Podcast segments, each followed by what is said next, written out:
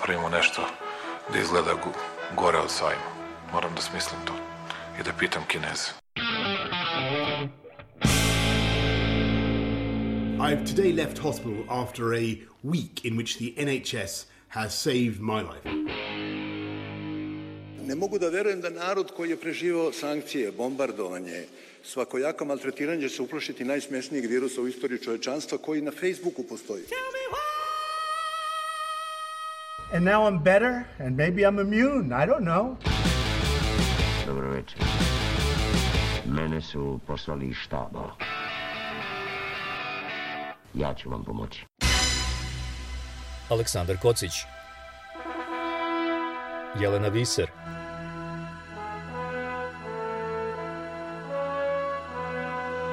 Radio Karantin Hronika istorije u nastajanju Dobrodošli u 16. epizodu Radio Karantina. Ja sam Jelena Fiser. Nakon što su kompanije Pfizer i BioNTech objavile da imaju vakcinu čija je uspešnost 90% i američka kompanija Moderna oglasila se vešću da imaju vakcinu sa delotvornošću od 95%. U dizajniranju ove vakcine korišten je potpuno novi eksperimentalan pristup i ove vesti mogle bi označiti prekretnicu u borbi protiv pandemije. Svetska zdravstvena organizacija smatra da su ovi rezultati ohrabrujući i najavila da bi vakcine mogle biti dostupne već početkom 2021. godine. U ovoj epizodi razgovaramo o tome kakva je nova vakcina, koliko znamo o njenoj efikasnosti, na koji način će biti distribuirana, hoće li imati svi oni kojima je potrebna i jesmo li zaista na putu da dobijemo bitku sa pandemijom. Radio Karantin Dušan Bogunović je profesor na katedri za imunologiju, pedijatriju i mikrobiologiju Medicinskog fakulteta Icahn Mount Sinai u Njujorku. Aleksandar Kocić razgovarao je sa njim o tome da li je objava Pfizer-BioNTecha preuranjena, u čemu se sastoji novi pristup dizajniranju njihove vakcine i kakvu zaštitu dobijanjem ove vakcine možemo da očekujemo. Radio Karantin Šta do sada znamo o ovoj vakcini koju je Pfizer e, najavio kao uspešnu sa 90% uspešnosti? To bi trebalo da je, koliko ja razumem, jedan novi tip vakcine. A, ovo je u potpunosti novi tip vakcine koji do sada nije korišćen. Mi pravimo vakcine kao čovečanstvo više od 100 godina Um, I kako su vakcine nastale je da i veliki broj vakcina i dalje funkcioniše, jeste da se ili ta bakterija ili virus, što je slučaj u ovom trenutku, a, oslabi. I onda on kao takav se ubrizga u telo u celosti i onda mi razvijemo imunni odgovor na njega. I to je a, način na koji se najveći broj vakcina pravi. Ova vakcina a, je u potpunosti drugačija zato što ona prvi put koristi RNK kao bazu da se proizvedu proteini koji, od kojih se sam taj virus sastoji. Svaki živi organizam ima svoje nukleinske kiseline od kojih se sastoji. A, ako je u pitanju DNK, onda nastane RNK, posle RNK nastane protein. I protein je ono što mi vidimo, što mi najviše jesmo, jel da? Um, I vakcina uh, koje su se do sada pravile, a, ili su u potpunosti ta bakterija, taj virus, kao što sam rekao, te najstarije vakcine, ili su a, na bazi a, a, DNK ili već proizvedenog proteina. A, nijedna vakcina do sada nije bila na ovoj srednjoj fazi, nazovite, koja je RNK. Iz toga je to apsolutno novi model vakcine koji do sada nije bio u upotrebi. Čuli smo da je ova vakcina 90% e, uspešna. Šta to konkretno znači? To znači da ako imate 100 ljudi u jednoj grupi koji dobije tu vakcinu i drugih 100 ljudi koji ne dobije tu vakcinu nego pojede šećernu pilulu, odnosno ubrizga im da nazovimo to šećernom pilulom, a, da a, 90 ljudi iz grupe koje je primilo vakcinu, ako bude izloženo virusu, se neće razboleti. To to znači. I ja mislim da je to možda najbolje da, da se uporedi sa vakcinama koje mi već koristimo, sa vakcinama koje mi već dobijamo. Tako da ako imate MMR vakcinu, to je vakcina protiv malih boginja, zaošaka i, i rubele. A, a, to su tri različita a, virusa koja, a, protiv kojih mi razvijamo imunni sistem u okviru te jedne vakcine i protiv malih boginja je tu 93% je, je efektivna ta vakcina. Protiv zaošaka je ona 78%, a protiv rubela je 97%. Tako da je tačno to negde u tom domenu što može da se očekuje od vakcine. Drugim rečima, teško može da bude mnogo bolja. Ali da bismo postigli uh, onaj krajnji cilj, a to je da eliminišemo ovu epidemiju ili da je svedamo na jedan zanemarljiv nivo, da li je onda ovo uh, više nego dovoljan procenat?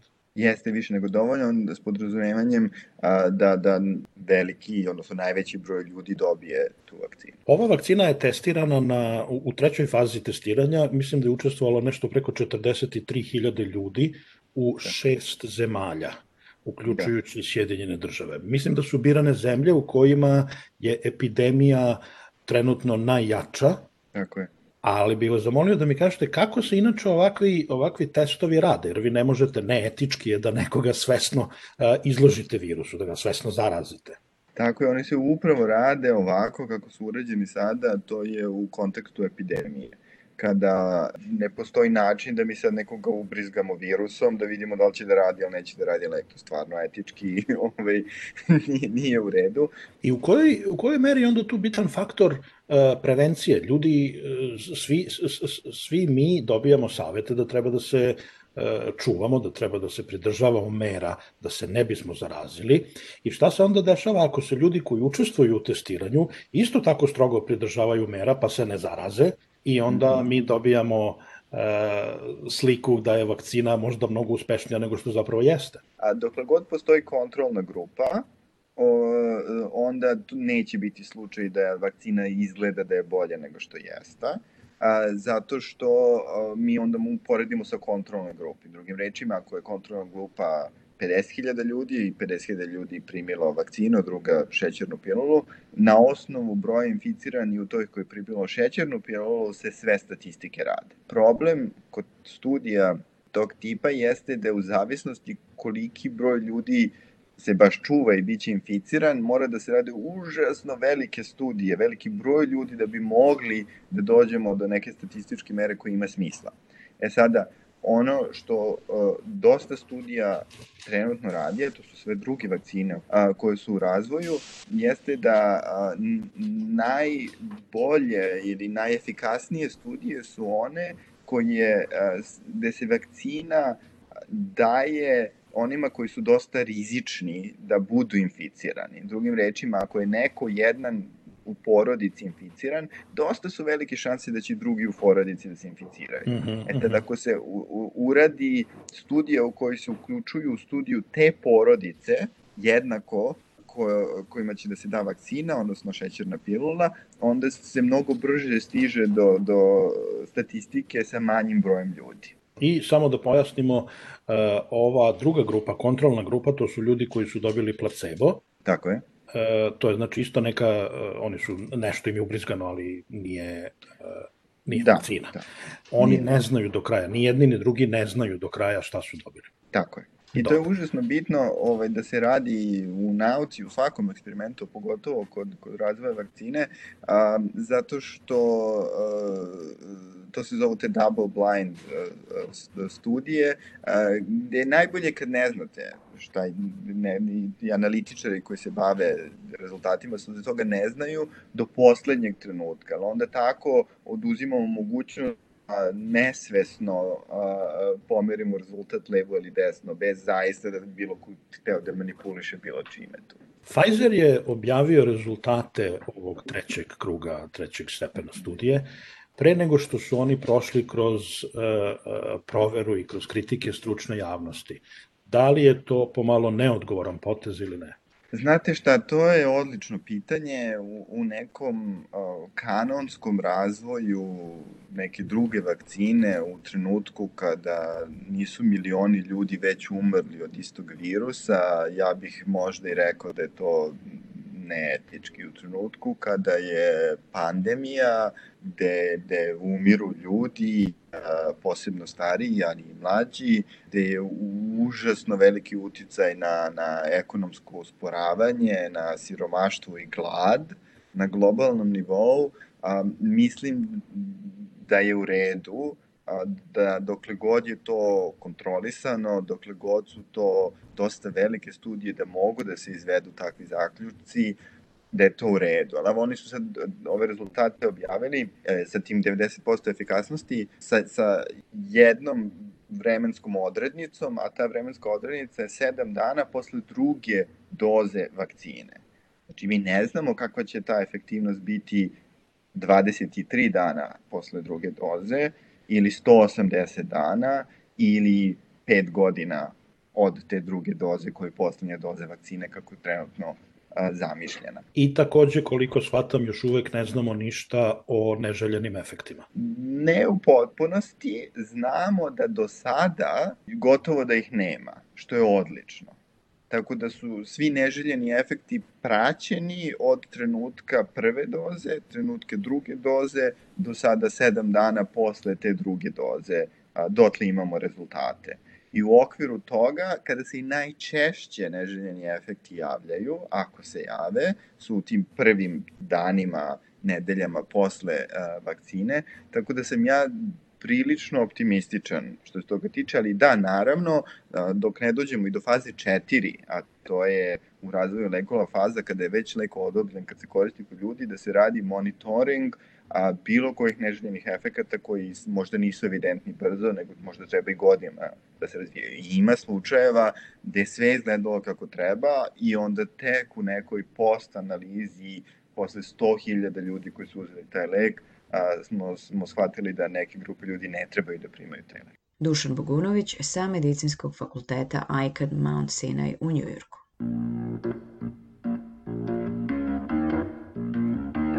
Radio karantin.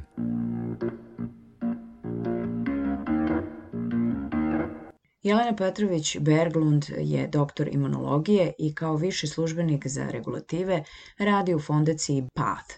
Sa njom sam razgovarala o tome koji su izazovi sa kojima se njena organizacija suočava kada je u pitanju distribucija vakcina. PAT je inače međunarodna neprofitna organizacija koja se bavi inovacijama u iznalaženju boljih rešenja u pružanju zdravstvene zaštite, naročito ženama i deci. Radio karantin. Koja je regularna, odnosno redovna procedura za dobijanje odobrenja za masovnu upotrebu vakcina i šta znači sada ovaj zahtev za hitno odobrenje po ubrzanoj proceduri koju su Pfizer i BioNTech podneli? Svaka zemlja ima svoje, svoje zakone na osnovu kojih će priznati i staviti neku vakcinu na tržište. Ako govorimo o većini zemalja, ajde da govorimo o zemljama Evropske unije, Americi i tim razvijenim zemljama, um, što se tiče njihovog sistema i zakona. Da bi jedna vakcina došla na tržište mora da se pokaže da je, da je sigurna, znači da se znaju neželjeni efekti, koji su neželjeni efekti, da se ima uvid da je taj rizik ne, potencijalnih neželjenih efekata u odnosu na beneficiju pravilan, znači da postoji razlog da se to stavi. To je jedna stvar, a druga stvar je da se pokaže da je vakcina efikasna. To je znači osnovno da bi se vakcina stavila na tržište. Kako se dotle stigne? Tako što se rade kliničke ispitivanja faza 1, 2, 3, o kojoj vratno ste čuli, određene informacije o tome kako se vakcina proizvodi, koliko je rok trajanja, kako treba da se čuva, na kojoj temperaturi, kako treba da se daje, kada se, ako se daje revakcinacija, u kojoj meri, tako da. Znači da se kompletno razume kako ta vakcina deluje i kako treba znači, da se proizvede, da se čuva, da, da, da se transportuje od mesta do mesta i tako dalje. To je regularna procedura. U situacijama kao što je pandemija ili u situacijama kada možda i nemate pandemiju, ali recimo kao što je bio slučaj kod HIV-a u 80. i 70. godinama, ako se uspostavi da je, da je jednostavno postoje određeni kandidati koji idu ka tome da će biti na tržištu, ali zahtev za postojanje vakcine je veći, onda se pogleda ta čitava procedura i odluči se koji delovi te procedure nisu toliko kritični da bi morali da odmah se, da se, da se informacije o tome odmah stave na, na, na raspolaganje onome koji, po, koji gleda vaš dosije i koji a, razmatra to, znači ti revieweri koji razmatraju to da li će ta vakcina biti stavljena na tržište ili ne. Kada je u pitanju ova procedura za hitno do, e, odobrenje vakcine, Zavisno od zemlje do zemlje, te, te, ti delovi procedure mogu da budu različiti koji će sada neće se uzeti u razmatranje. A, što se tiče Američkog zdravstvenog ministarstva za izdavanje lekova, oni su održali konferenciju pre par nedelja u kojoj su rekli da svaka vakcina, bez obzira na to da li će ići po standardnoj proceduri ili po ubrzanoj proceduri, mora da, za, da, da znači, stekne taj minimum potrebe za tom, tom sigurnošću i za efikasnošću. Efikasnost mora da bude najmanje 50%. Kada govorimo o Pfizeru, efikasnost koju su oni bar iznali pre par nedelja ili pre prošle nedelje, a, ti preliminarni podaci su da će efikasnost biti 90%. Znači oni su za to stekli taj uslov. I sad da, od, da odgovorim na vaše pitanje šta, šta onda nije deo te regularne procedure koji bi inače bio. Recimo, da bi, si, da bi izdali vakcinu, kao što sam pomenula, morate da imate određeni deo a, proizvodnje a, koji je detaljno opisan, da recimo vaša vakcina može da traje na određenoj temperaturi 12 meseci, 24 meseci i tako dalje. To se recimo neće uzeti u obzir. Jer da bi se sačekali rezultati od 24 meseca držanja vakcine na određenoj temperaturi bi trebalo da prođu dve godine, jeli, da bi dobili te rezultate. Znači, uslov će biti, ako pokažete da je vakcina sigurna i efikasna, mi ćemo vam dati tu dozvolu za to hitno, hitnu distribuciju, da je takozvani emergency license, ali kao zahtev ćemo tražiti da određene rezultate nam donosite svakih šest meseci meseci, svaka tri meseca i tako dalje. Znači, postojeće određeni uslovi koje ćete morati da ispunjavate u narednih godinu ili dve, da bi mi i dalje pratili da je ta vakcina upravo onakva kakva treba da bude, ali ste stigli, uspeli ste da pokažete na neki, nek, neku osnovu da je sasvim sigurno da se da u ovoj situaciji kada smo očigledno svi očekujemo tu vakcinu i potrebno nam je hitno. Da li vaša organizacija PAT a, ima već neke konkretne ideje u vezi sa potencijalnom saradnjom oko distribucije vakcine? Da, PAT je velika organizacija i, i mi radimo u različitim oblastima i distribucija i e, registrovanje tih vakcina. Ono što mogu da samo pomenem jeste jedan od aspekata u kojima ja učestvujem, u kojima moja grupa radi, a to je da vakcine, recimo ako uzemo Pfizer, vakcina će biti um, odobrena možda u zemljama Evropske unije, u zemljama u Americi. Postaje se pitanje kako će ta vakcina, ako će uopšte stići do svih zemalja. Jer PAT je ne, kao neprofitna organizacija ili nevladina organizacija radi upravo sa zemljama u razvoju više nego sa Amerikom, Evropom u celini. Koje su to onda zakoni koje ima recimo Uganda, koje ima Južnoafrička republika, koje ima Indonezija, koje imaju druge zemlje koji moraju da se steknu da bi ta vakcina bila legalno dana u tim zemljama. Jer, jer kao što možete da zamislite, ako je vakcina napravljena i odobrena u Americi, to ne znači da može da da u Srbiji. Znači, Srpsko zdrav, ALIMS, Srpsko zdravstveno ministarstvo, mora da pogleda taj dosije i da odlučite da je to prihvatljivo na, za njihov nivo da bi se dalo našem stanovništvu. E tako je za svaku zemlju. Tako da recimo deo PAT organizacije u kojoj ja radim se upravo bavi time, a to je koje će biti uslovi za, raz, za 92 zemlje sa kojima mi radimo, koji će biti uslovi da se ta vakcina ili vakcine, pošto kao što znate postoje nekoliko vakcina koje su a, blizu te finiša, da kažem, kako će one biti registrovane u tim zemljama i kako će se davati. Kako je po vašem viđenju a, sada, imajući u vidu da je ovo prvo iskustvo pandemijsko u našem sećanju, da a, kako mislite da je moguće sada a, recimo realizovati taj projekat, uslovno rečeno, vakcinisanja nekih, a, kako je procenjeno, 7 milijardi ljudi koji bi trebalo da je prime? Da, ako mislite na da, da li smo išta naučili iz, od ove pandemije što se može primeniti za sledeću pandemiju, ono što se nadam jeste da da će se razviti sistemi i da će se razviti bar u moje oblasti a, regulativa i polisa koji, će, koji omogućavaju da se vakcine pušte na tržište, puste na tržište, da će se razviti a, jedna harmonizacija, jedan harmonizovani pristup da ne morate da svaka vakcina ide od zemlje do zemlje, da se testire, da se tamo gledaju ti dosije i da recimo ako je zemlja prihvaćena nešto slično što trenutno ima Evropska unija. Znači, ako je prihvaćena u Nemačkoj, da vakcina može biti prihvaćena i u drugim zemljama automatski, a ne da ponavljate ili istraživanja ili dajete to dosije. Tako da, to je ono na čemu Gates i, njego, i, i uh, Gates fondacija radi intenzivno u zadnjih par godina i pre ove pandemije, ali se nadam da posle ovoga zaista neki uh, efekti će biti intenzivirani, ali takođe da će neke, da će države, da će jednostavno vlade, vladine organizacije shvatiti razlog e, i, i, i beneficiju imati upravo takvih sistema u kojima može da se to na jednom svetskom nivou razmatraju i gledaju ti rezultati ispitivanja rad, e, pre nego na pojedinačnom nivou svake zemlje. I jel mislite onda da je realno obezbediti tu neku međunarodnu saradnju? kad je distribucija vakcina u pitanju? E, što se distribucije tiče, da, ja se nadam i, i u stvari ta međunarodna saradnja već postoji, ona je već krenula preko, verovatno što znate, preko COVAX-a, koji je deo sastavni, sastavni deo Svetske zdravene, zdravstvene organizacije kao jedna inicijativa a, u kojoj učestvuju različite zemlje, da se upravo obezbedi određeni broj vakcina za zemlje u razvoju. U kojoj meri je to izjednačeno sa zemljama koje su razvijene, sa Amerikom, sa, sa evropskim zemljama, to naravno nije slučaj. Mnoge zemlje, kao što znate, pokušavaju i, i već su uložile ogroman novac da otkupe određeni broj vakcina, čak za neke od vakcine za koji ne znamo da li će ikada stići na tržište, jer svaka zemlja se sada trudi da, da obezbedi za svoje stanovništvo. To naravno stavlja u pitanje koliki broj vakcine će biti dostupan za COVAX ili koji, koji se trudi da obezbedi upravo vakcine za zemlje u razvoju. Uh, upravo izašlo neko izraživanje od sa Duke univerziteta gde se pokazuje recimo da je ne znam Amerika otkupila milijardu vakcina ili ili više od toga. Neke od tih vakcina zahtevaju da dve doze da bi se očekivala potpuni efekat tako. Dok je COVAX uspeo samo da otkupi a, par miliona, što svakako nije dovoljno za afričko tržište, za, za Južnu Aziju ili bilo šta. Tako da postojeće svakako jedan period u kome će ta, da bude veoma vidljiva ta, ta, ta razlika u, u um, distribuciji vakcina.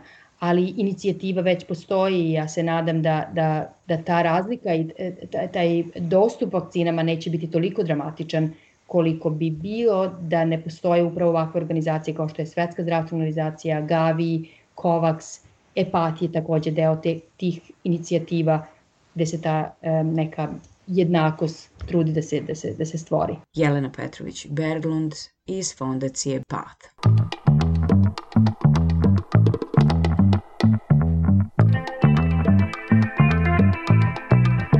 Radio karantin.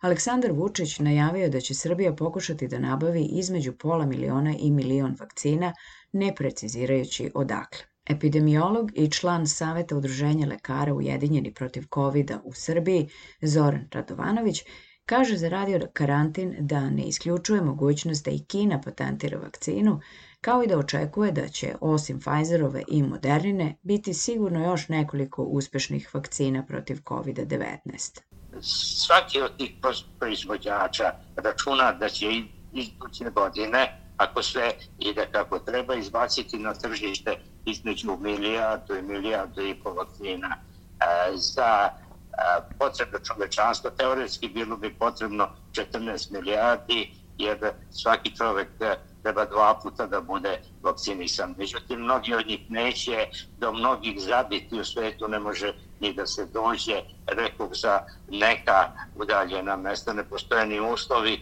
da vakcina do tamo stigne, tako da realno broj će biti manji, ali trebalo bi do kraja iduće godine, ako sve ide kako treba, da se obezbedi uh, možda 8 do 10 milijardi vakcina. Koji procenat stanovništva je potrebno vakcinisati da bi se epidemija eliminisala. Pretpostavljam da to sigurno nije 100%, ali da li je reč o 60% kao što sam negde čitao ili nešto drugo? Procenjivalo se da bi bilo potrebno 60 do 70% na osnovu da, takozvanog reprodukcionog broja. Recimo, u, se radi o malim boginjama, one su lako prenosive i u osetljivoj, mi kažemo virginalnoj populaciji, znači tamo gde niko nema imunitet. Jedna zaražena osoba prenese virus malih boginja na 15 drugih osoba. Znači, tu se onda bolest eksplozivno širi, 12 do 18, recimo 15 osoba. I onda e, treba vakcinisati preko 95% populacije da biste bili sigurni ovde taj reprodukcioni broj je manji, pa se procenjivalo 60 do 70, ali ne da bolest potpuno nestane, da bude eliminisano, nego da nema taj epidemijski karakter, da se eventualno sporadično javlja ili u pojedinačnim epidemijama, ono outbreak, ne epidemic. Znači da bude prisutna, da se povremeno javlja, nekad recimo u toku zime, da postoji taj epidemijski talas, ali da sve to ima neke e, prihvatljive okvire i razmere. Mi govorimo o modernoj koja je bila najviše favorizovana američka vakcina, o nekim drugim. E, ne pominje se Kina, lako može da se desi da oni prvi izađu sa kvalitetnom vakcinom. Mi još uvek imamo o Kini predstavu kao e, o zaostaloj zemlji, međutim u pogledu tehnologije oni e, neverovatnom brzinom napreduju. Suština je u tome, neće to biti jedan pobednik e, i jedna zlatna medalja. To će biti e, bar pet najboljih vakcina koje će e, biti široko prihvaćene. Epidemiolog Zoran Radovanović u razgovoru za Radio Karantin. Radio Karantin. Bio je ovo još jedan Radio Karantin. Budite dobro i vodite računa o svom i zdravlju osoba oko sebe. Pozdravljaju vas Aleksandar Kocić i Jelena Viser.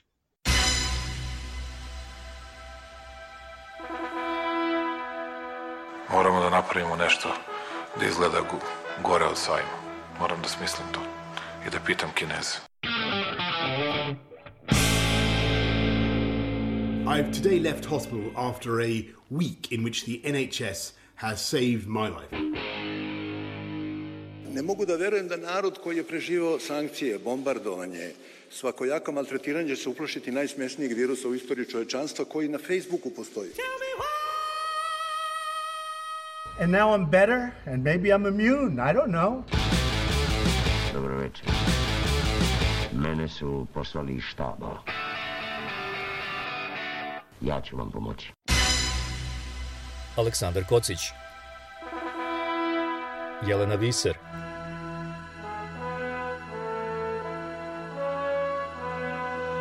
Radio Karantin. Hronika istorije u nastajanju